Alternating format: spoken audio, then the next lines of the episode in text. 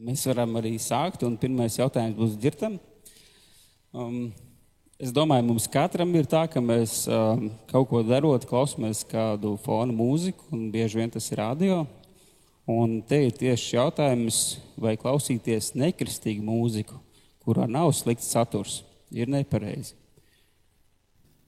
Nu, jā, es zinu, ka daudz nu, ko viņš teiks. Bet um, es gribu teikt, um, kas mūziku padara kristīgu vai nekristīgu. Vai autors, kurš to ir sarakstījis, vai uh, izpildītāji, kur tos izpilda, vai tie instrumenti, ar kādiem tos izpilda. Uh, ja mēs tā vienkārši šo jautājumu paņemam, tad man tā īsa atbilde ir nē, nav nepareizi. Uh, Mēs varam uh, klausīties to mūziku, un uh, man liekas, vispār ir uh, ļoti nepareizi, neiespējami nodalīt, nu, kas tad ir kristīga un nekristīga mūzika. Protams, nu, ja mēs tur ļoti skaidri saprotam, tā mūzika tur slavina, nezinu, nu, citi pielīdzina tur kādu mūziku sātaniskai mūzikai un, un tā tālāk. Bet, um, Uh, nav bijis viennozīmīgi arī draugu dzīvē, nu, tas, kādu mūziku mēs pieņemam, kādu nepieņemam. Uh, ja jūs palasītu Baptistu draugu vēsturi šeit, Latvijā, tad uh, sākumā Baptistu draugzēs atzina tikai violi, tā kā Konstantīna Rulēja. Uh, Un, uh, tas instruments, ko Anna šodien spēlē, es zinu, kādas cīņas bija 70. gados Vēncpils draudzē, kad tur uh, gribēja šo elektrisko ērģelīti ienest baznīcā, un tas bija vienkārši ojojoj. Uh, bet, um, un vēl um, Baptistu pirmsākumos, ja jūs Baptistu vēsturi, man liekas, kora vēsturi palasīt, tad par, uh, tur ir kāds interesants stāsts par priekulas draugu, kur brauc ciemiņi no aizpuses un ar zirgiem tajā laikā. Ja? Un, tad no priekulas draudzes uh, izsūtīja pretī vecais un diakons, lai pārbauda, kādus instrumentus tad aizpuses draugs ved uz priekulas draugu spēlēt. Nu, vienmēr tās cīņas ir bijušas, vai ne? Bet um, tas, ko es katrā ziņā nekur neatrodu, kāds no mūzikas stiliem, uh, Bībelē būtu nosodīts. Bet uh, droši vien jau tas izšķirošais ir tas teksts, ko mūzikā lieto, un, un vai tas teksts ir tāds, kas uh, pagodina Dievu, tad tā, to mēs varbūt varētu teikt, tā ir kristīga mūzika, un vai teksts mūs aicina to darīt. Un, protams, tā ir katra personīga, es domāju, gaumas lieta. Un, un, nu, vai es tādu mūziku pieņemu vai nepieņemu. Un, bet es, ne, es negribētu teikt, nē, tāda mūzika nav ieteicams klausīties. Bet, nu, protams, kā jau sacīju, ja tā galīgi mūs aicina tur pielūgt kaut kādas elpas. Tad labāk, protams, no tā izvairīties. Un, kā jau mēs tu klausies mūziku, kur tu varbūt neklausies tos vārdus, kas tu, tu vienkārši baudi to skanējumu. Kā ir tāda, piemēram, ka, ja iedziļinies vārdos, tur galīgi reizi ir. Bet, ja tu tikai to mūziku klausies, Jā, it sevišķi, ja es to valodu nesaprotu, vai nekurā dziedu, tad man, ja tā mūzika man uzrunā, tad es viņu varu klausīties, protams. Jā. Okay. Uh, Raimondam jautājums. Kā piespiest sev atteikties no kaut kā tāda, kas seko līdzi un nav patīkams dievam? Paldies par jautājumu. Es par mūziku mazliet. Man liekas, ir, uh, ir mūzika, kas ir bez vārdiem. Un mūzikai ļoti liela ietekme liekas, uz cilvēku dzīvē. Kad tu klausies klasisko mūziku, tu, Un pat ir pētījumi, kā ietekmē smadzeņu darbību un tā tālāk. Bet, ja tu klausies tādu rīktīgu metālu un tā tālāk, paskaties pēc koncertiem, kā cilvēki iet un kā tas ietekmē nu, cilvēks. Es, es, tas, ko es redzu mūzikā, ir nu, tāda baigā, baigā ietekme. Tāds mazs komentārs, ko gribēju piebilst. Bet kā atteikties no kaut kā, kas seko līdzi un nav patīkams dievam? Nu, pajautā tam, kas tev seko līdzi, kāpēc tu man seko līdzi? Un, ja tas, kas tev seko līdzi, jā, saka, tāpēc, ka tu man ļauj, nu, tad, tad, tad problēma varētu būt tur. Bet pirmām kārtām domājot par šo jautājumu, ir, man liekas, svarīgi saukt lietas īstajos vārdos. Un tas, kas Dievam nepatīk, tas ir grēks. Un, un, un, un tad līdz ar to tas jautājums ir, nu, kā cīnīties ar grēku. Un šis ir, man liekas, ļoti aktuāls, ļoti plašs jautājums, bet ļoti aktuāls, es domāju, ļoti daudziem. Un, kad es dzirdu šo jautājumu, man prātā nāk divas lietas. Un pirmā lieta ir tas, ko mēs redzam Bībelē, kārdinājumi ir un kārdinājumi būs. Kārdinātājs tas ir tas, ko viņš dara. Viņš visu vienmēr mūs kārdina. Kārdinājumi būs tā ir tā realitāte, ar ko mēs sastopamies. Dievs radīja pasauli, tur bija ideāli, perfekti cilvēki bez grēka, un tur bija kārdinātājs klāt, un viņš kārdina. Ne? Kārdinātājs grib kaut ko pasne, sasniegt. Un otrā lieta, kas man nāk prātā, kad es lasu Bībeli, un, un īpaši jauno derību, tur autori saka, es gribu, lai jūs zinātu. Es gribu, lai jūs zinātu. Un tad, kad viņi raksta vēstules, viņi saka, es gribu, lai jūs zinātu. Es šo rakstu, lai jūs zinātu. Lai jūs zinātu. Un, un uh, iespējams, uh, Viens no iemesliem, kāpēc mums ir grūti cīņās, ir tas, ka mēs vai nu kaut ko nezinām, vai kaut ko neesam sapratuši, neesam pievērsuši uzmanību vai aizmirsuši. Un ko es ar to domāju? Un tāpēc jaunā derība ļoti runā par to, kas attiecībā uz cilvēkiem, kas ir pieņēmuši jēzu savā dzīvēm, kas tu esi Kristū runā par identitāti. Un, un, un tāpēc aicinājums dzīvo identitātes cienīgu dzīvi. Dzīvo Kristus cienīgu dzīvi. Piemēram, 2. korintiešiem 5, 17. Tādēļ tas, kas ir Kristū, ir jauns radījums. Viss vecais ir pagājis, un redzi, viss tapis jauns. Ja tu piedari Kristum, tu esi jauns radījums. Tu esi jauns radījums autors grib, lai tu to zini.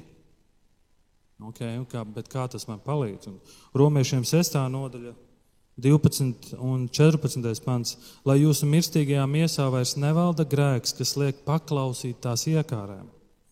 Grēks vairs nevaldīs pār jums, jo jūs neesat padoti bauslībai, bet gan žēlastībai. Tad šeit ir apsolījums, ka grēks vairs nevaldīs pār jums.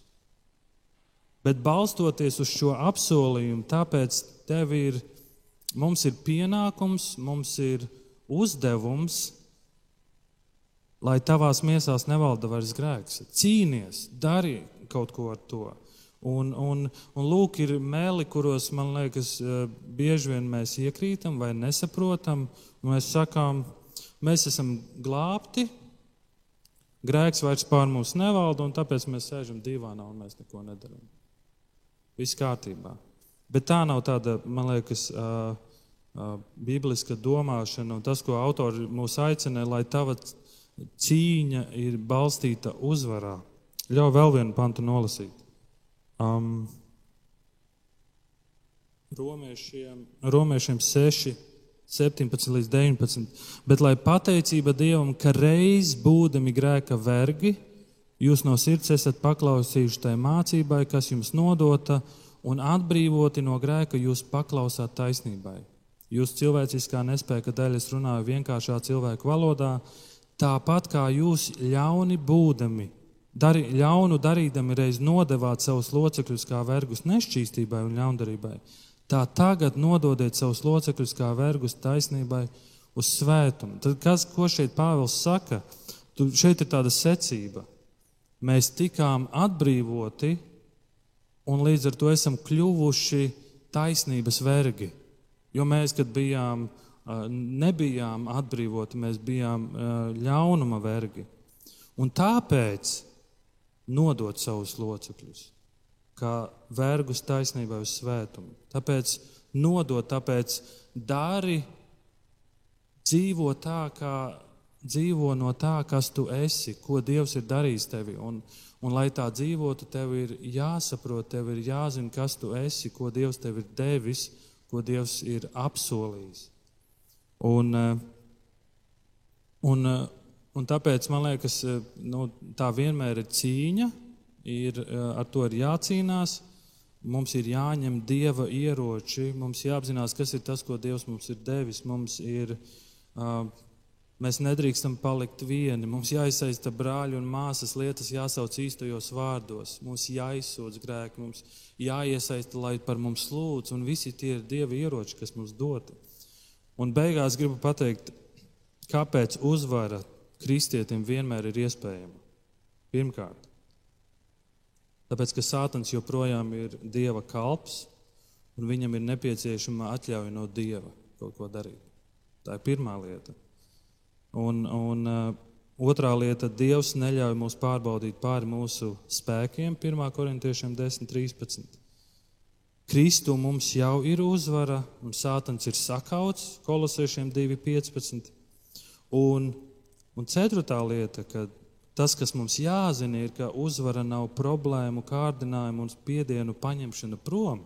Nu, tas nav, kad, kad tas tiek paņemts prom, bet uzvara ir šo visu grūtību vidū, ka tu esi šajās grūtībās, un tu zini, kas tu esi, un tu pastāvi tajā. Un tu saproti, ko Dievs tev ir devis, un balstoties uz to, tu arī pastāvi. Un tā tāpēc zini, zini, kas tu esi, un tāpēc arī man liekas, šī sērija, ko mēs tagad esam atsaukuši romiešiem, ne, tur ir tik daudz, ko Pāvils grib parādīt. Zini un redzi, ko Dievs ir darījis. Un, man liekas, tas, tas ļoti palīdz. Paldies, paldies. Marku, tev jautājums. Kas ir svētā gara kristība? Paldies par jautājumu. Ļoti labs jautājums. Pavisam īsā atbilde būtu, ka es ticu, ka Bībele māca, ka svētā gara kristība ir tā pati jaunpiedzimšana. Tas pats brīdis, kad tu piedzimsti no augšienes, tu kļūsti par jaunu cilvēku. Tas notiek tevī iekšēji, tā ir tā iekšējā kristība, svētā gara kristība, un pēc tam tu ej un parādi to ārēji ar ūdens kristību. Tātad vispirms notiek iekšējā, pēc tam notiek ārējā kristība. Bet tas, protams, kas varbūt ir tāds numur viens jautājums, kas nu, varbūt mulsina kristiešus, ir, ka ir konfesijas, nu, sauksim vārdā, harizmātiskās konfesijas, kuras māca, ka svētā gara kristība ir kaut kas, kas seko pēc tam, kad tu jau esi kļuvis par kristieti. Tad tas ir kaut kas, kaut kāds nākamais solis pēc tam, kad tu esi jau piedzimis no augšienes. Un, um, un tad tā, tā mācība parasti ir tāda, ka, ka jā, svētais gars tevī ir, jo tu esi kristietis, un bez svētā gara tu nevari būt kristietis, bet viņš ir kaut kādā ziņā sasaistīts, nu, sasiets uh, ar, ar šņurēm, un tagad tev ir tās uh, šņuras jāpārgriež, un viņš jāatrājas, un tā ir tā svētā gara kristība. Un, uh, un tas parasti tiek pamatots ar trīs rakstvietām, kas ir visas apstuļu darbos, un um, proti, ka ir trīs vietas, kur Bībelē Jēzus mācekļi iet pie kādiem cilvēkiem un, un saka, vai tu esi jau saņēmis svēto garu? Un, un viņi saka, nē, neesam saņēmuši mēs. Un tad viņi saņem šo svēto garu, un tad viņi sāk runāt mēlēs. Un tad no šīs domas radās tā mācība, ka ah, nu redz, tas ir kaut kas, kas, kas tev ir speciāli jāsaņem, un tad tev ir mēlēs runāšana. Uh, Um, bet, um, ja mēs tā nu, paskatāmies uz šīm trim raksturvietām, tad patiesībā tas, tas, tas kur es piekrītu uh, nu, teologiem, kuri, kuri to redz šādi, ir, ka tās ir tie, tie, tās, tie, tie paši vasaras svētki, kuri vienreiz notika ar Jēzus mācekļiem, tie notiek tagad vēlreiz ar trīs citām cilvēku grupām, konkrētām mērķu grupām, mērķa auditorijām, tā varētu teikt. Pirmā ir tātad vasaras svētkos, kur ir tikai Jēzus mācekļi sapulcējušies. Tas notiek viņiem. Pēc tam uh, otrā reize ir apstuļu darbiem astoņi, kad uh, šī pati šis aicinājums notiek samariešiem. Samarieši bija puspagāni, tie bija tie, kur bija apprecējušies ar pagāniem, un tāpēc um, jūdi viņus izraidīja ārā. Viņi teica, jūs neesat šķīsti, jūs nevarat šeit vairs nākt, jūs nedrīkstat nākt uz Jeruzalemes templi, pielūgt Dievu. Un tāpēc viņi Samarijā uzcēla atsevišķu savu templi, kur, kurā viņi gandrīz vai kopēja to pašu, ko jūdi darīja Jeruzalemē. Tas bija Gerizīmas kalns, kurā viņi gāja un, un mēģināja to pašu jūdeismu praktizēt, jo viņi bija izstumtie. Un tad sanāk, ka pie viņiem tagad iet mācekļi un saka, jūs esat saņēmuši, un tagad notiek tas pats vēlreiz tikai šai cilvēku grupai. Un tad apstuļu darbos desmit nāk Kornēlijs, kas ir romietis, viņš ir pagāns. Tātad šeit notiek pagāniem tas pats atkal. Ja? Un tad ceturtā vieta ir, kur ir Jēzus, Jāņa Kristītāja mācekļi, kuri tagad visu laiku ir bijuši atsevišķi, vai ne? Viņi gāja savu ceļu, viņi nezināja īsti, vai Jēzus ir Mesija vai nav, jo Jānis Kristītājs pats mazliet šaubījās, un tāpēc viņi bija nos, nošķirti no Jēzus mācekļiem, un tagad viņi sanāk ne, tie, kuri, kuri ir šajā sarunā, un viņiem tiek uzdots šis jautājums. Viņi arī saka, nē, mēs neesam saņēmuši. Un tāpēc tas, tas ka, ko rāda šī bilde, ir, ka svētais gars tiek izliets pār visām šīm grupām. Tas nav kaut kāds tāds piemērs, kā vajadzētu tagad notikt ar kristiešiem, kad nu, jums ir jāsaņem vēl kaut kas papildus, bet, bet um, šajā, šajos četros vasaras svētku aktos tiek parādīts, ka svētais gars tiek izliets pār visiem, visām cilvēku grupām, un viņi tiek visi palikti zem tā viena svētā gara, tā teikt, jumta. Ja? Jo iepriekš viņi gāja katrs savu ceļu, tagad viņi tiek apvienoti, un, un viņi visi zem viena svētā gara. Un, um, jā, tāpēc uh, arī tā, tā doma, ka, svēt, ka tev ir jārunā mēlēs, tev jāsaņem šī svētā gara kristība, jārunā mēlēs, lai tu būtu īsts kristietis ir nu, pilnīgi, pilnīgi maldu mācība, manuprāt, tāpēc ka arī mēlis ir tiek atklātas kā svētā gara dāvana, kuru svētais gars pats izvēlās, kuram to dos. Ja? Un, ja tagad sanāk, ka tu māci, ka tikai tad, ja tu esi, svēt, ja tu esi mēlis saņēmis, tad tu esi īsts kristēts, tad tu runā tiešā pretrunā um, šiem, šiem bībeles vārdiem, kur saka, ka svētais gars kādiem to iedod. Nu tā, tā tāda varbūt. Um, atbilde, ka mēs ticam, ka svētā gara kristība ir mūsu iekšējā kristība, kurā mēs piedzimstam no augšas, un to dara svētais gars. Paldies! Tu pieskāries nākamajam jautājumam, un jau daļēji sāki to atbildēt. Nākamais jautājums ir ģirtam. Un jautājums ir, ko jūs domājat par runāšanu mēlēs? Jā, jā Man jāsaka, tā, nu, tas vismaz Baptistu draugzēs vienmēr ir bijis tāds jūtīgs, jūtīgs temats. Un, um, um teologi um, par šo jautājumu ir lauzuši šķēpus un um, turpina to darīt. Uh, ir dažādas domas, uh, ir uh, teologi un cilvēki, kur piekrīt tam, ka nu, uh, valodas, tās ir kādreiz dotas kā īpaša zīme, šobrīd tas vairs tā nav. Ja jautājums man, es neesmu pret šo dāvanu, bet tajā pat laikā es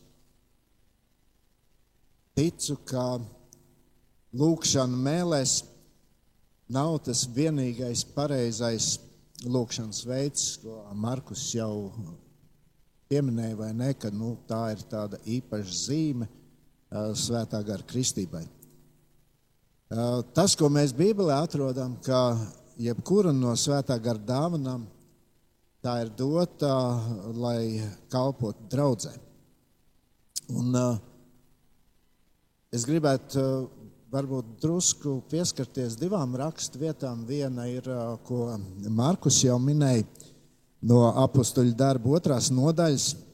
Un, uh, es domāju, ka tas, ko mēs lasām tur, tas bija kaut šis īpašais vienreizējais notikums, vasaras svētki, kad svētais gars nāca par tur bija 120 uh, cilvēki sapulcējušies vienā vietā, vai ne? Un, un tas bija kaut kas īpašs. Uh, varbūt mēs varam uh, izlasīt dažus pantus no tā. Un visi tika piepildīti ar svēto garu un sāka runāt citās mēlēs, kā gars tiem deva izrunāt. Bet Jeruzalemē dzīvoja jūdi, dievbijīgi vīri no visām tautām zem debesīm Un kad šī balss atskanēja, ļaužu pulks sanāca kopā un izbijās. Un tātad klausieties, jo ik viens tos dzirdēja runājam savā valodā. Nevienā citā vietā mēs kaut ko, ar kaut ko līdzīgu nesastopamies. Katrs saprata uh, savu, savā valodā to, kas tur tika teikts. Un, uh, tas, ko mēs lasām um,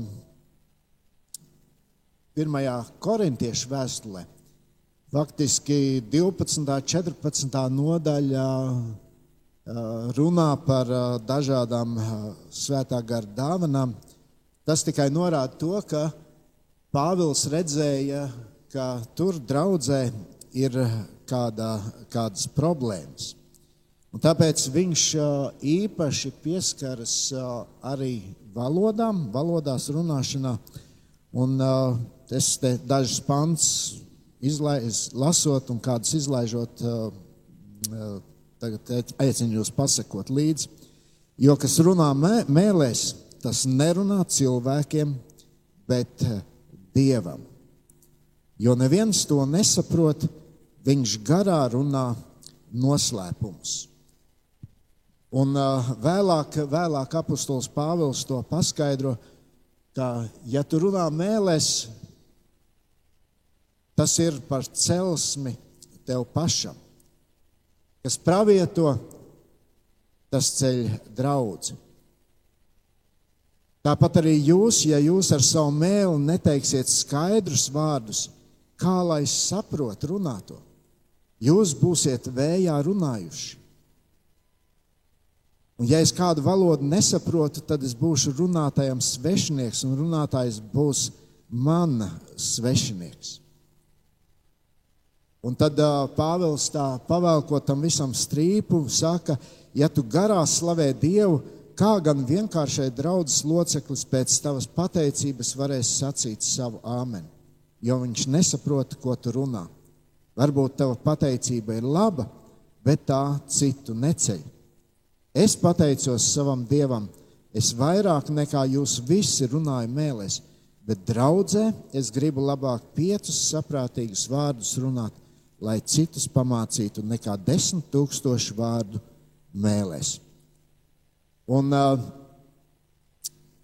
es domāju, tas uh, svarīgākais, ko es uh, arī lasot, lasot jauno darību, esmu sapratis, ka valodā runāšana, tas ir priekš tevis paša.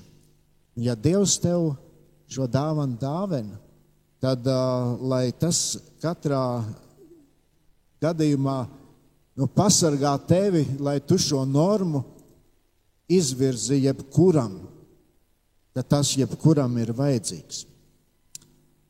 Un, uh,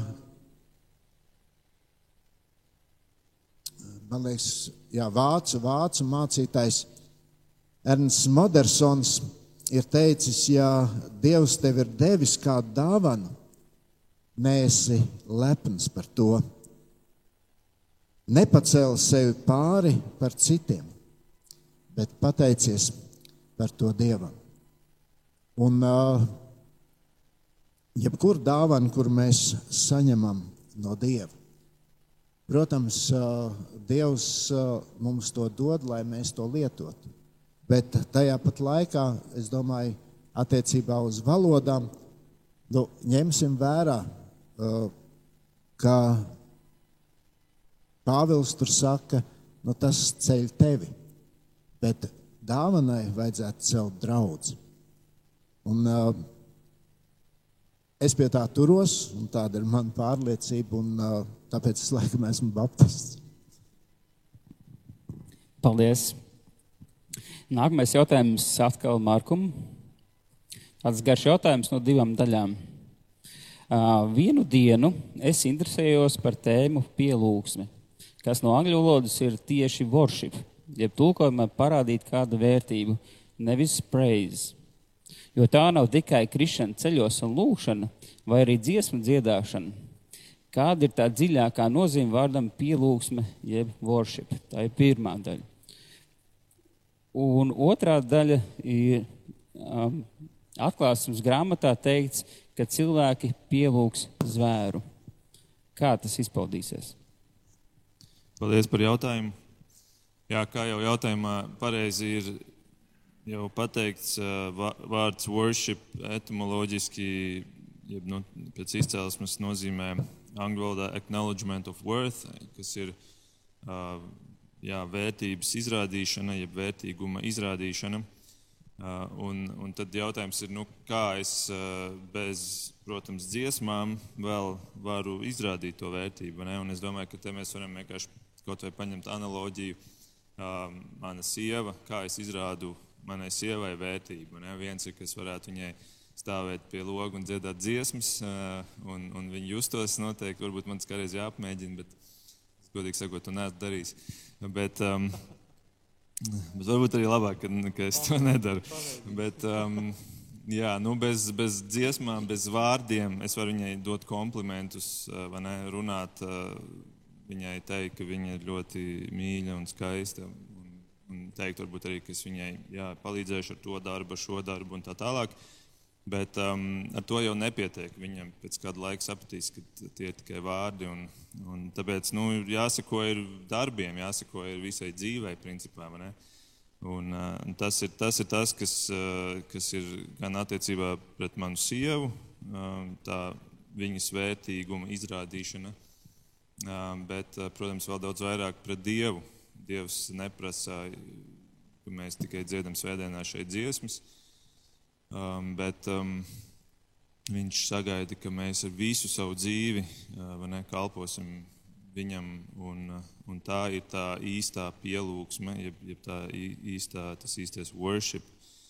Um, ja mēs paņemam to grieķu vārdu, ir, kāda ir nozīme um, pielūgsmē, tad interesanti tas vārds nozīmē noskūpstīt. Tu noskūpsti otru. Ja? Un, um, mēs zinām, ka piemēram agrāk uh, karaļiem skūpstīja roku. Kāpēc to darīja? Tā bija zīme, ka es atzīstu tavu suverenitāti un es esmu gatavs ar šo skūpstu izrādīt manu lojalitāti pret tevi. Tā, tā ir tā, tas ir tas simbols skūpstam. Un savā ziņā mēs pat varētu iztulkot ne, šo, šo, šo vārdu un vienkārši teikt, nu, es kā, tev kā ķēniņam, suverēnam skūpstīšu roku. Um, izrādīšu to, ko tu prasīsi no manis, to es darīšu. Un, uh, jā, un, piemēram, Jāņa 4, 23, 24. Nosīšu tikai ātri divus pantus. Ir, ir teikts tā, ka uh, bet nāk stunda, un tā ir jau tagad, kad patiesie dievlūdzēji pielūgs tēvu garā un patiesībā. Jo tēvs meklē tādus, kas viņu tā pielūdz. Dievs ir gars, un kas viņu pielūdz, tiem to būs pielūgt garā un patiesībā. Un tas vārds garā nav tāds mūsu ar mazo gāburtiņu, tā kā mūsu garā, ka mēs tur nezinu, skaisti dziedam vai skaisti domas, domājam vai, vai sajūtam kaut kā dievu, bet uh, tur ir lielais gāburts, un tas nozīmē, ka mums ir viņš jāpielūdz svētajā garā kas vienkārši nozīmē to, ka mums ir jāpiedzimst no augšas, jāpiedzimst svētajā garā, lai mēs vispār viņu varētu pielūgt. Un tas otrs vārds patiesībā, mums ir jāpielūdz viņš patiesībā, nozīmē, ka mums ir jāņem tā grāmata, kura, kuru viņš tajā brīdī, kad es viņam noskūpstīju roku, viņš man iedeva pretī un teica, re, kur es esmu tavs suverēnais karalis, tu to esi man tikko izrādījis. Šeit es esmu tev iedevis līdzi to, kas es esmu. Tu vari man iepazīt. Šeit es esmu tev iedevis līdzi pamācības, kā dzīvot, lai tu dzīvotu saskaņā ar manu gribu. Šeit es esmu tev iedevis līdzi visu to, kas tev pašam ir vajadzīgs, lai tu dzīvotu svētītu dzīvi. Un, um, un tāpēc mums ir jāpielūdz. Tā nav, tā nav vēl, iz, izvēles forma, ja? Tas ir, tā ir pavēle. Mums viņš ir jāpielūdz patiesībā. Un tāpēc es ticu, ka cilvēks, kurš kaut vai mazumiņā, bet uh, patiesībā pielūgs Dievu un darīs kādas lietas, tāpēc ka viņš saprot, ka tā Dievs grib, jo viņš ir šeit to iemācījies. Varbūt pretēji manai uh, paša izpratnē vai manai, uh, man, manai sabiedrībai, kurā es dzīvoju. Bet, ja es mazumiņā pielūgšu viņu patiesībā, tas būs daudz vairāk Dieva acīs nekā, ja es darīšu lielus darbus, bet um, iešu kompromisā ar šo patiesību. Uh, Nu, tā būtu tāda mana uh, atbilde. Un par to otro daļu pavisam īsi. Nu, ar zvēru ir līdzīgi. Es domāju, cilvēki tajā, tajā dienā skūpstīs zvēram roku. Kā tas tieši notiks, kādā formā tas notiks, um, to, mēs, to mēs šobrīd vēl nezinām.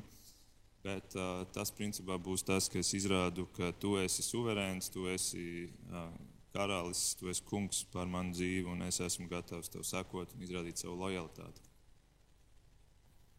Mm, paldies. Raimonds, nākamais jautājums tev. Kas notiek ar cilvēkiem pēc viņu nāves, kas nav dzirdējuši par kristietības mācību, bet nodzīvo savu dzīvi pēc dieva prāta? Kalpošanā, pateicībā, došanā citiem. Kas notiek ar cilvēkiem pēc viņu nāves, kas ir dzirdējuši par kristietību, nodzīvot dzīvi pēc dieva prāta, kalpošanā, pateicībā, labprātībā pret citiem, bet ārējo apstākļu dēļ, tas ir ģimene, valsts, visa apkārtējā vide, ir no citas reliģijas. Un nav, nav iedziļinājušies kristietībā un līdz ar to nav kļuvuši par kristiešiem. Tas garš jautājums, divas daļas. Paldies par jautājumu. Garš jautājums. Un, um, jā, tā kā tu Mārtiņ pamanīji divas daļas, bet pirms es atbildu ja tu esi šeit kāds, kurš uzdeva šo jautājumu, un ja es atbildu, un tu saproti, nu, galīgi nošāvi greizi, tas nav mans jautājums, vai es to pārpratu. Lūdzu, pienāc pie manis, pārjautā vēlreiz, varbūt man saprotamākā valodā, vai arī uzraksti, vai, vai, vai dod man ziņu labi. Divas daļas, divas daļas, ko es redzu, ir, kas notiek ar cilvēku pēc viņa nāves, kurš nav dzirdējis, bet nodzīvojis dzīvi pēc dieva prāta. Un cilvēks ir dzirdējis, otrā daļa cilvēks ir dzirdējis, dzīvojis pēc dieva prāta, bet nav kļuvis par, par kristieti. Un, nu tā, un, un man likās ļoti interesants jautājums, ļoti domāts jautājums. Un, un pirmā daļa ir cilvēks nav dzirdējis. Kas notiek ar cilvēku, kurš nav dzirdējis? bet nodzīvo pēc Dieva prāta. Man liekas, šeit ir viena, viena problēma, bibliski skatoties. Un es neredzu, kā tas ir iespējams. Kā, kā tas ir iespējams, ka tu, uh, tu neesi dzirdējis, bet tu dzīvo pēc Dieva prāta. Tas nozīmē, tu dzīvo pēc Dieva standarta, tu dzīvo pēc tā, ko Markus saka, tev ir raksts, Dievs tev ir devis uh, savu vārdu? Un, un, uh, Jāņa 10. nodaļa, 17. pants. Ticība rodas no pasludinātās vēsts, bet vēsts no Kristus vārdiem. Romiešiem pirmā nodaļa. Pāvils saka, es nekaunos evaņģēliju. Tas ir Dieva spēks pestīšanai ikvienam, kas tic, jūdam vispirms un arī grieķim, jo tajā Dieva taisnība atklājas no ticības uz ticību, kā ir rakstīts.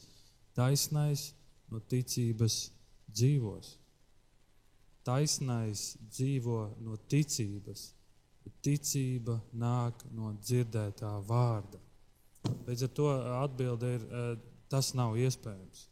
Ja tu saki, es neesmu dzirdējis, bet es dzīvoju pēc dieva prāta, tad uh, iespējams tu nezini, kas ir dieva prāts. Tu nezini, tu sāc dzīvot pēc izdomāta dieva prāta, izdomāta dieva standartiem. Bet, eh, un tad ir otrā daļa, ja cilvēks ir dzirdējis, dzīvo pēc dieva prāta, bet nav kristietis. Un, un iespējams, šeit es kaut ko, kaut ko pārprotu vai ne, nesaprotu, bet, eh, eh, ja cilvēks ir dzirdējis, viņš ir atzinis Jēzu par savu glābēju, seko Kristum, tad viņš ir kristietis. Nu, viņš, viņš ir kristietis. Un, un, un neatkarīgi no tā, kurā valstī tu, tu dzīvo, un, un, un tiešām, tā, kad tu domā par islāma valstīm, tur ir tā situācija, kad uh, tev jāslēpjas, vai tur ir pazemes draudzes vai kā, bet ja tu esi dzirdējis un tur rakstīts, un es dzīvoju, nu, tad tu esi kristietis. Jo, jo tu no ticības, ticības dzīvo, iespējams, tajos apstākļos to izdzīvot ir daudz grūtāk un sarežģītāk. Bet, uh, uh, jā, bet tad tu esi kristietis, es teiktu tā. Nu, tā ir mana atbilde uz šo jautājumu. Ok, varbūt tu saņemsi ziņas. Jā, varbūt nav atbildēts līdz galam. Es, es ļoti, ļoti priecāšos. Mārtiņ, tu biji tas, jā. nu, mēs mazajā grupiņā tieši šo jautājumu arī runājām. Un, uh, un, um, tā doma mums arī bija, arī Ivars, man liekas, aizsūtīja šo jautājumu. Tā doma bija, piemēram, kā ir musulmaņi. Viņi dzīvo pēc, uh, pēc viņu standarta, viņi nodzīvo tā, kā viņu sirdsapziņiem saka. Jā, ok. Tas, tas, tas maina domu, bet uh, pēc viņu standartiem, bet uh, jautājums. Jo Jēzus Kristus saka, es esmu ceļš, patiesība un dzīvība, un tikai caur mani jūs nokļūstat pie tēva. Nu, tas ir standarts vienkārši, ka tu saki, cilvēks nav dzirdējis, bet apsties viņš dzīvo tā, kā viņš dara labus darbus un tā tālāk. Un tā tālāk. Bet ja viņam nav personīgas attiecības ar Kristu, ja tas nav Kristus, kas viņu glābj, ja tas nav Kristus, kas viņu ved, eh, nu, kas viņu, eh, jo cilvēkam ir jāatzīst, Es esmu grēcinieks, man vajadzīgs glābējs, es esmu garīgi miris, un tikai Kristus to spēj darīt. Ja ir šī atziņa ja, un, un apliecība, tad, tad ir ok, bet ja nē, tad it kā liekas, bet viņš dzīvo pēc šiem standartiem, tad Bībele saka, viņš nav glābts. Tāpēc jau arī nu, Jēzus savas misijas beigās saka, ka mums ir jāiet pa visu pasauli un, un, un, un jādara par mācekļiem, par Jēzus mācekļiem. Un, ja būtu tā, ka daudzi cilvēki dzīvo tāpat Dievu pareizi pielūgdami, tad Jēzus mācība būtu drīzāk bīstama viņiem. Ne? Ka, ka es viņiem nesu, un viņi varbūt viņu noraidīs, un tādā veidā viņi pazaudēs to savu nu, dievu, dievu, dieva pielūdzēju statusu, ar kuru viņi iepriekš būtu tikuši glābti. Un, nu tā, tāpēc um, nu, Jēzus saka, mums ir jāiet, un viņš ir vienīgais ceļš, un, uh, un tā, tas, tā tas ir. Bet uh, es jums uzdotu pretjautājumu, ja jūs mēģinātu iedomāties šo cilvēku, pamēģiniet arī grupiņā nodefinēt, kāds, eva, kādu evaņģēliju viņš ir dzirdējis, vai kas ir tas evaņģēlijs, ko, kā, kuram viņš tic. Un tā, un tad mēs varam parunāt par to.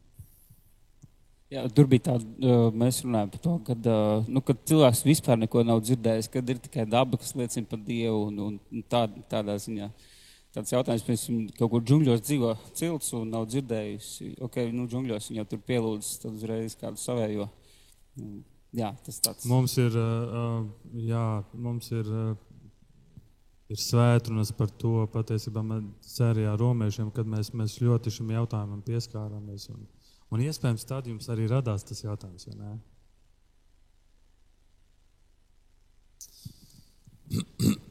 Nu ko, dodamies tālāk. Esam tikuši pāri pusē. Septītais jautājums. Šis būs tev ģirt, arī tāds garāks. Ko jūs domājat par lūkšanu, cīņu ar Dievu? Kā to ap, apstāsta Pauls Vašers? Doma tāda, ka mums vajag cīnīties ar Dievu par kādu vajadzību, kamēr viņš to izpilda. Ja tas, protams, ir saskaņā ar Dievu gribu. Lūgt un lūgt un lūgt, kamēr tu saņem atbildi. Viņš esot pat četras stundas katru dienu bez pārtraukuma lūdzis, kamēr saņēmis atbildi uz lūgšanu. Ko jūs domājat par šādu veidu lūgšanām? Vai ir atšķirība, vai es lūdzu desmit minūtes vai četras stundas? Jā, paldies. Man patīk runāt par lūkšanu. Mēs varētu gari runāt, vai ne, bet uh, Mēģināšu tā pavisam īsi. Jā, uh, nu, es varu teikt, es neesmu klausījies Paulu Vašeru, bet es paļaujos uz to, ko tas cilvēks šeit ir uzrakstījis, vai ne? Un es gribētu teikt tā, ka lūkšana tā ir cīņa. Bet tā nav cīņa, kur es eju uh, ar domu, ka es uzveikšu Dievu. Uh, drīzāk otrādi tā ir cīņa, kur uh, Dievam ir jācīnās ar mani. Un tajā pat laikā lūkšana, es gribu teikt, ir arī tāda cīņa ar sevi. Man pašam cīņa ar sevi.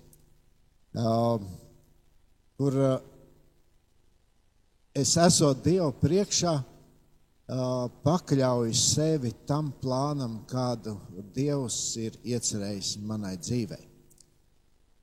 Ja runājam par laiku, ko mēs pavadām lūkšanu, tad es gribu teikt, ka lūgt nekad nav par daudz.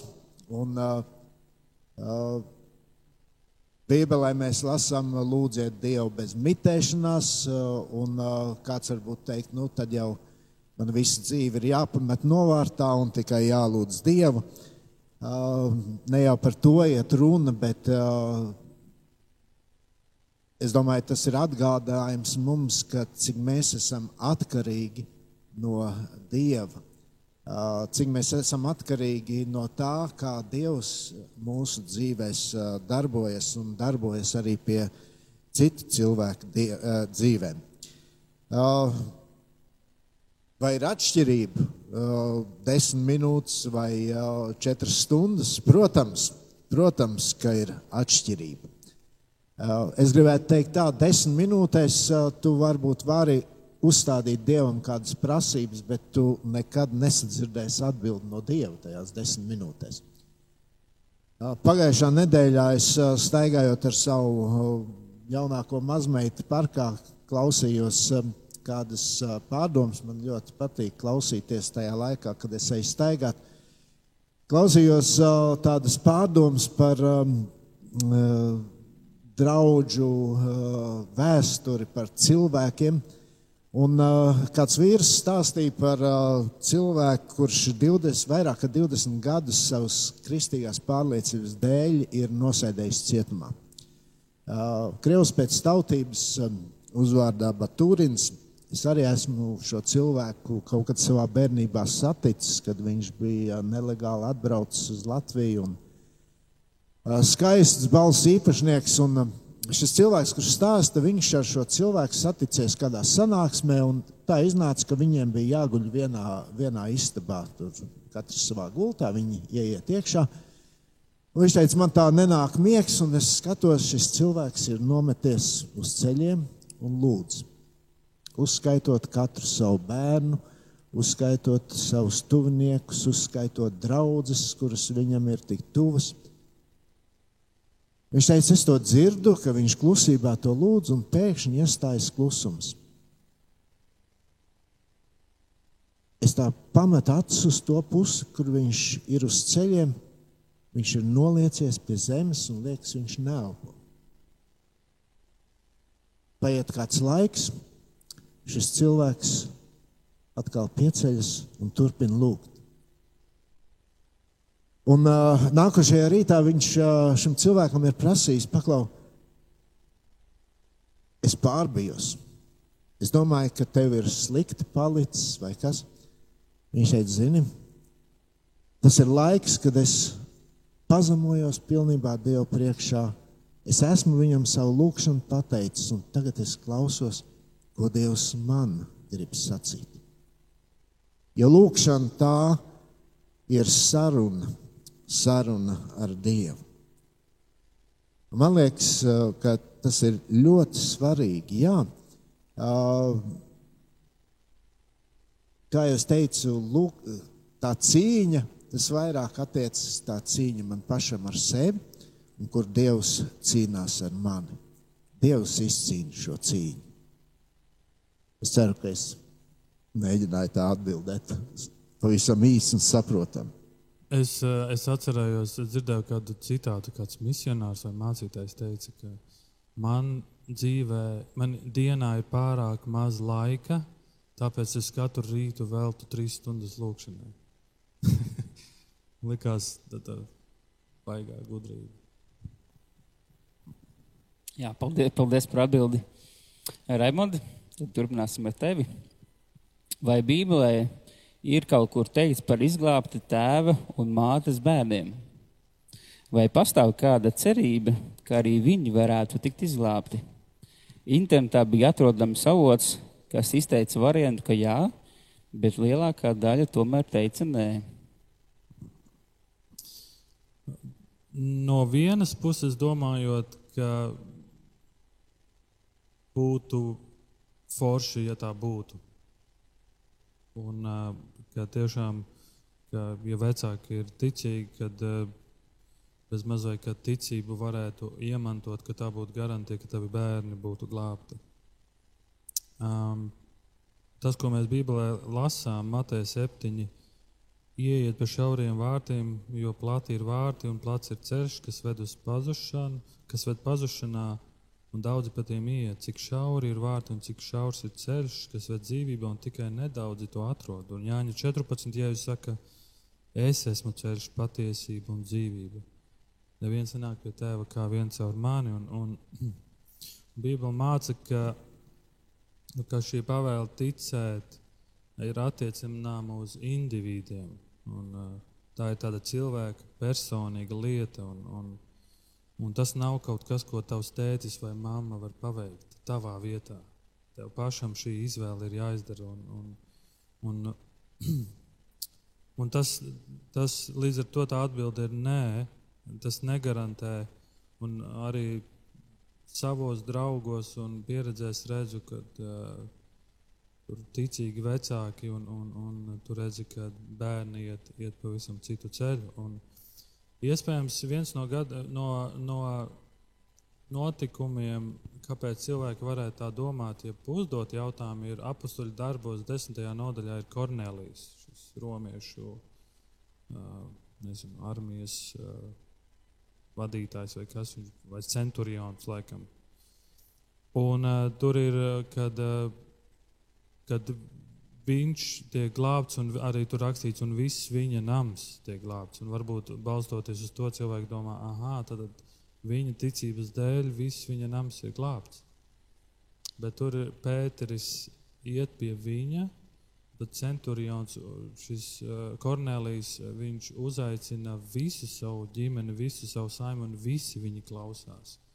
Visi viņi dzird, un visi viņi, visiem viņiem ir dāvāta šī ticība. Un līdz, līdz ar to es, tas, ko es redzu Bībelē, ka, ka nē, tā ir cilvēka individuāla izvēle. Un, un, un tad, kad es domāju par šo jautājumu, es domāju, un labi, ka tā.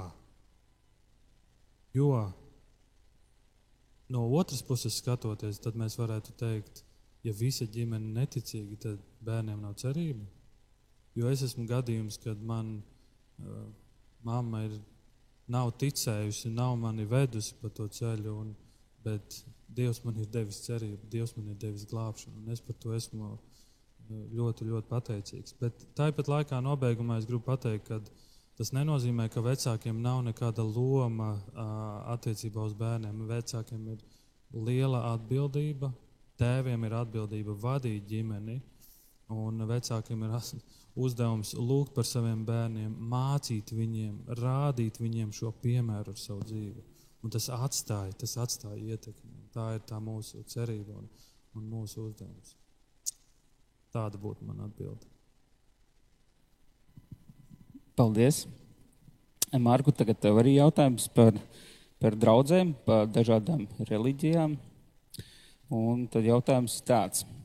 Katra reliģiskā kustība apgalvo, ka tā ir tā pareizā. Kāpēc nav vienas vienotas ticības? Ir tik daudz vienošu, vienojošu faktoru - miers, mīlestība, kalpošana, došana, pateicība, pazemība, labprātība bet kopsaucēji tomēr nevar atrast.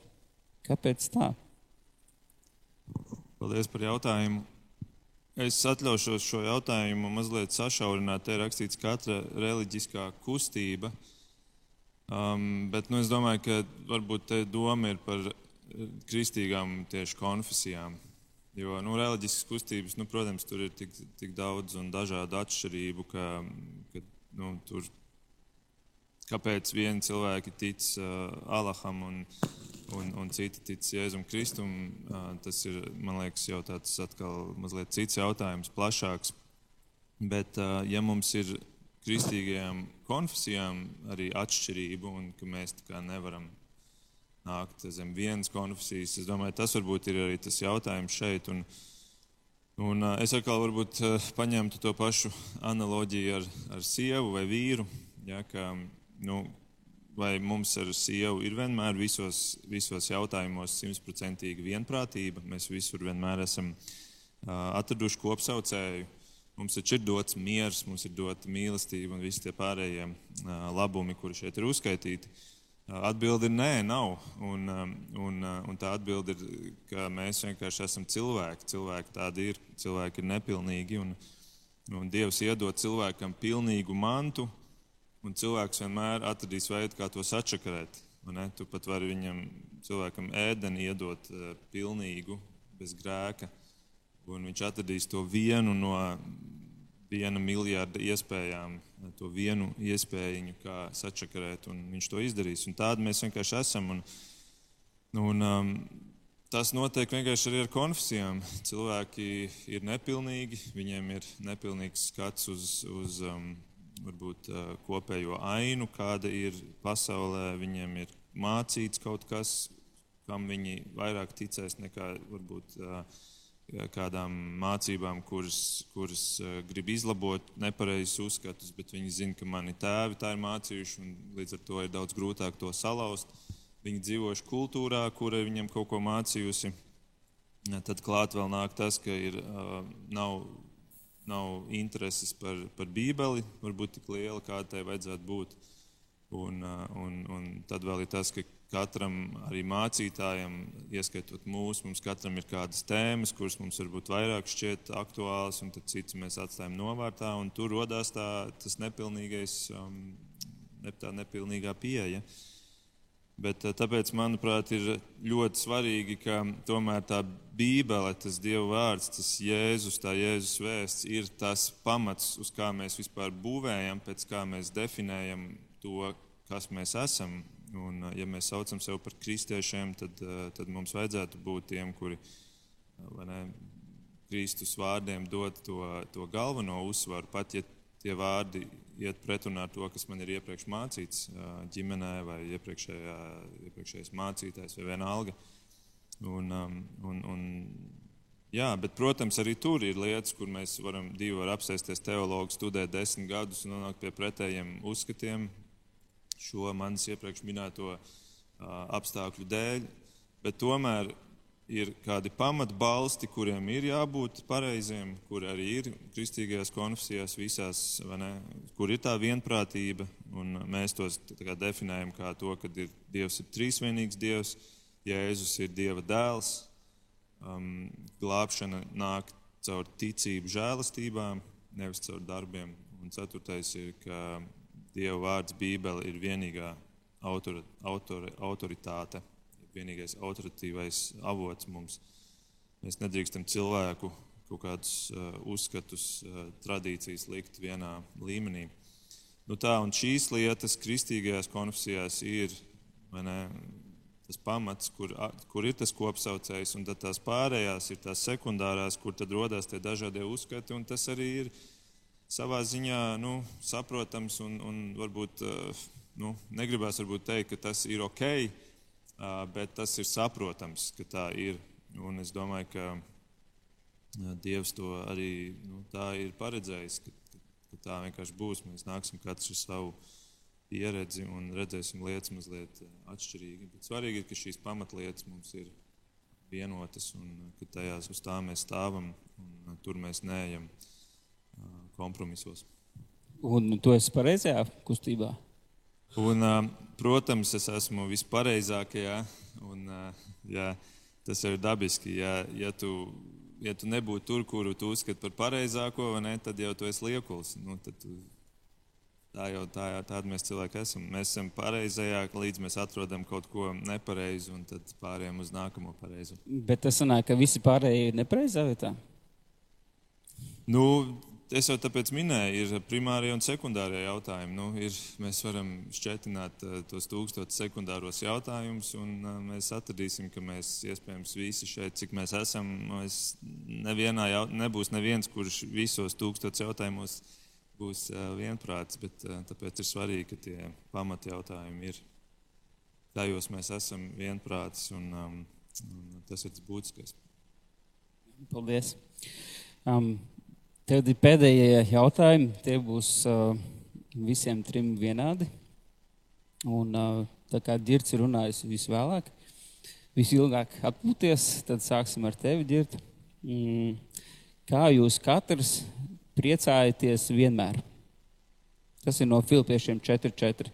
Tur teica, priecājieties vienmēr. Kā jūs to darāt? Un otrais ir, kā jūs to praktizējat un izdzīvojat grūtībās. Jā, nu, es uzreiz gribu pateikt, tur ir rakstīts, priecājieties iekšā kunga vienmēr. Nevis vienkārši priecājieties vienmēr. Ja? Un,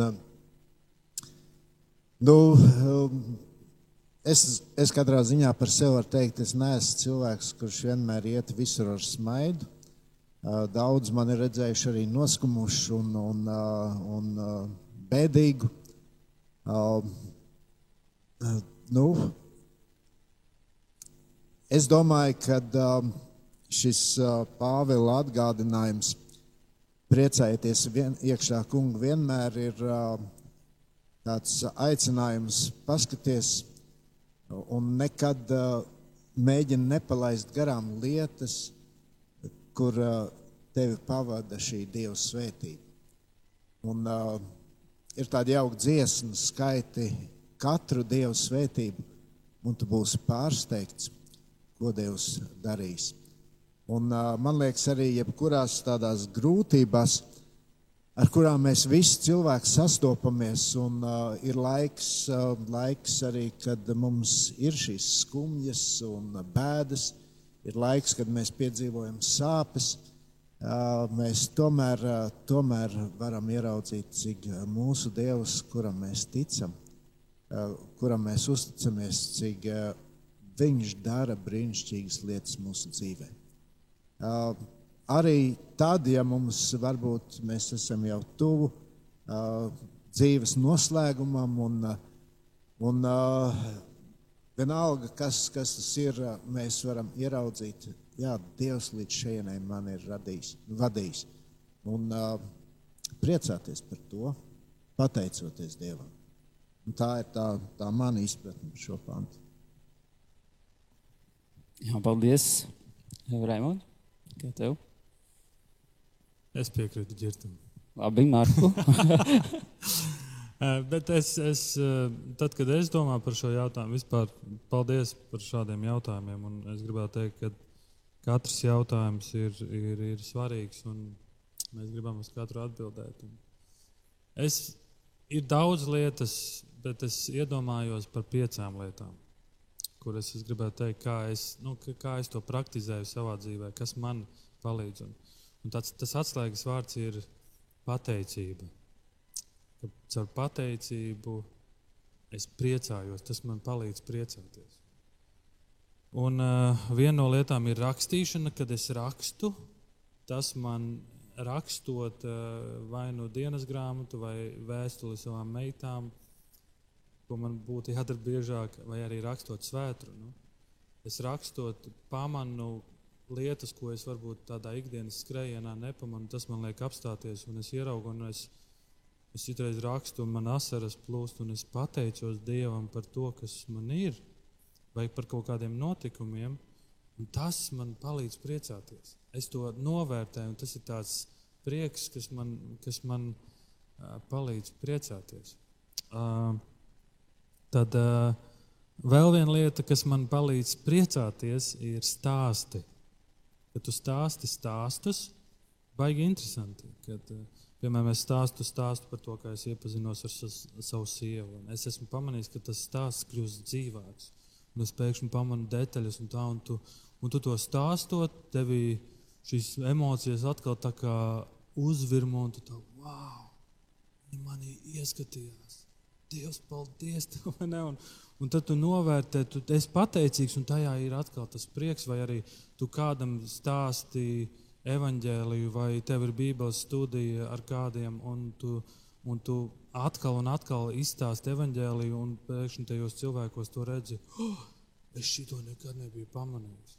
Un pēkšņi jūt tādu, tur ir prieks tajā, kad tu stāsti, un, un tajā, oh, yes, viņš to ieraudzīja, super, tu redzi, kā viņš aug, un, un tajā ir tāda pateicība un, un, un prieks. Laiks ar ģimeni, labi pavadīts laiks ar ģimeni. Es pateicos, es priecājos par, par savu sievu un saviem bērniem.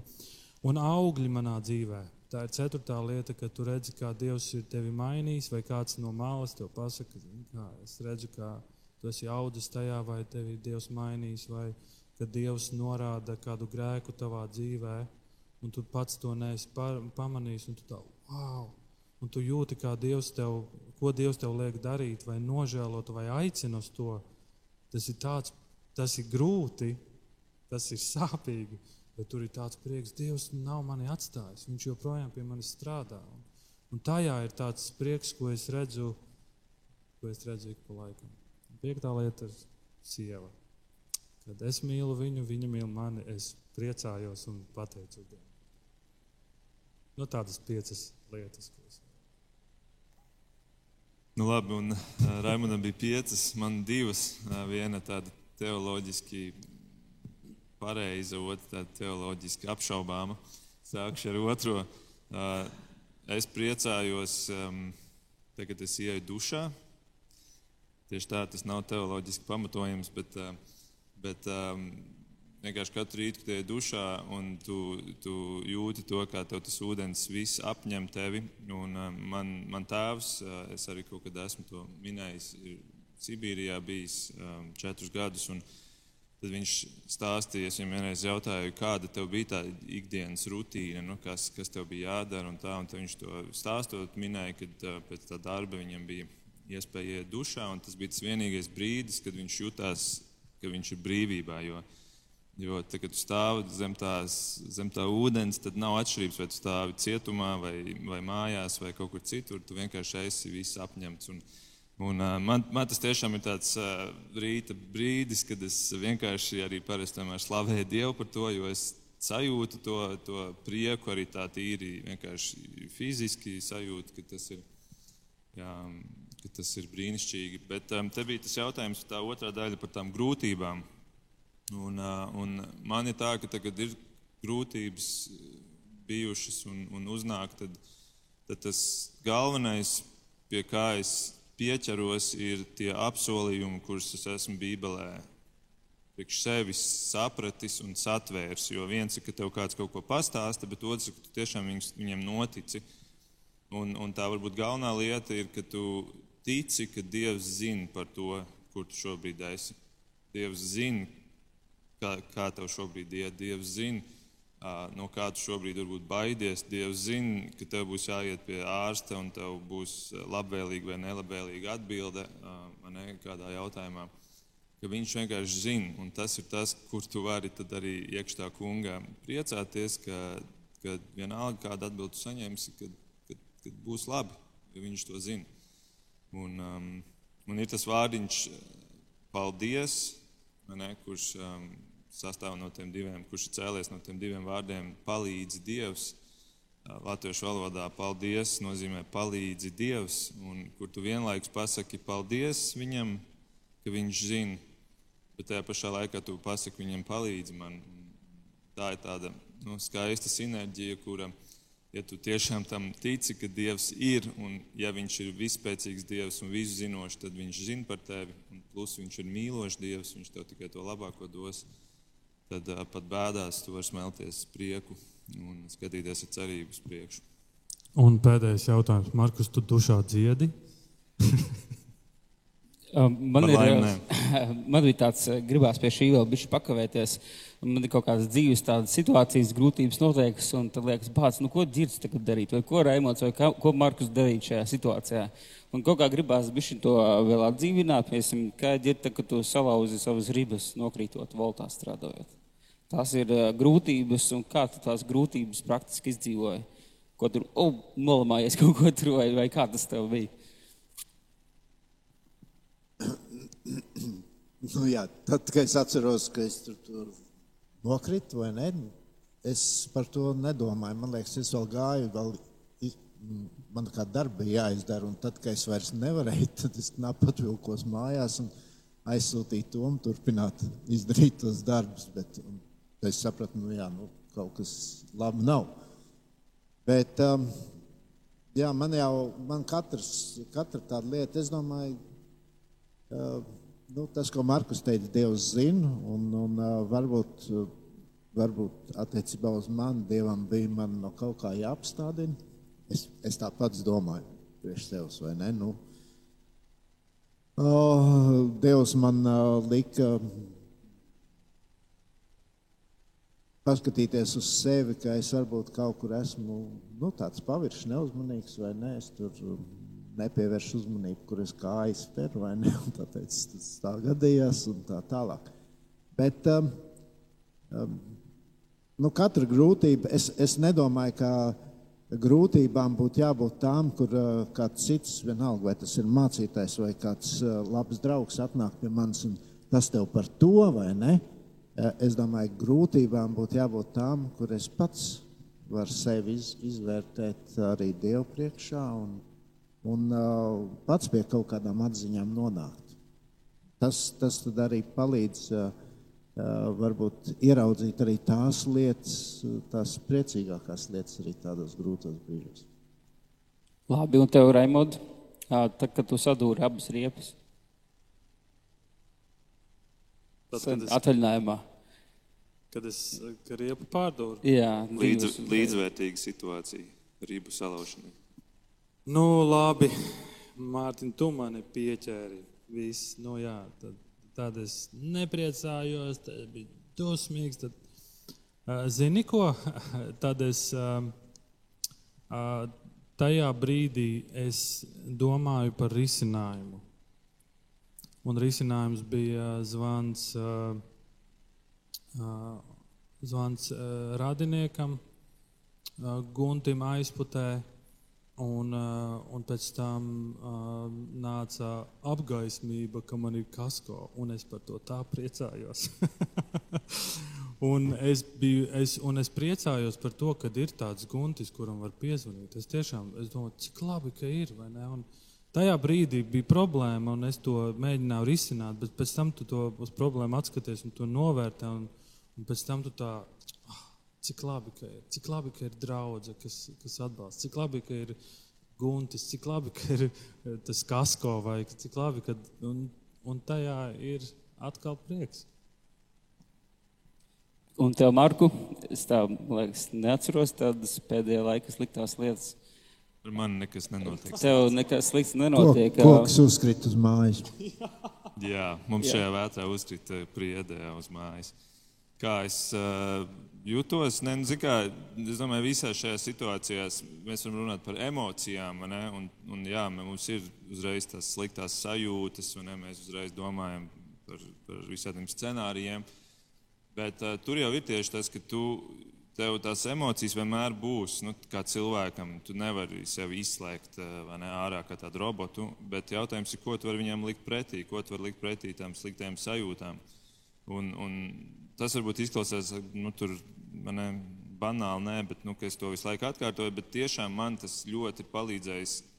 Kaut vai sludinot šeit, draudzē, un jums gatavojot svētru, un es esmu pats tik ļoti daudz pieaudzis tādā, tādā drošības sajūtā, ka, ka ir grūti, ka tevi, nu, grūti ir lietām izsist tevi no sliedēm tā, ka tu nevari vairs nevienu pozitīvu scenāriju iedomāties, kāpēc varbūt Dievs to tev būtu pieļāvis. Un, un tu vienkārši šāds automātiski par to domāt, kas ir, kas ir tie, nu, kas ir tas, kā varbūt uh, Dievs tev var. Es īstenībā par priedus jautājumu, man pirmā doma bija, paldies Dievam, ka viņi nebija vienu metru pa labi, jo tā viņi būtu izšķaidījusi mūsu lielos logus.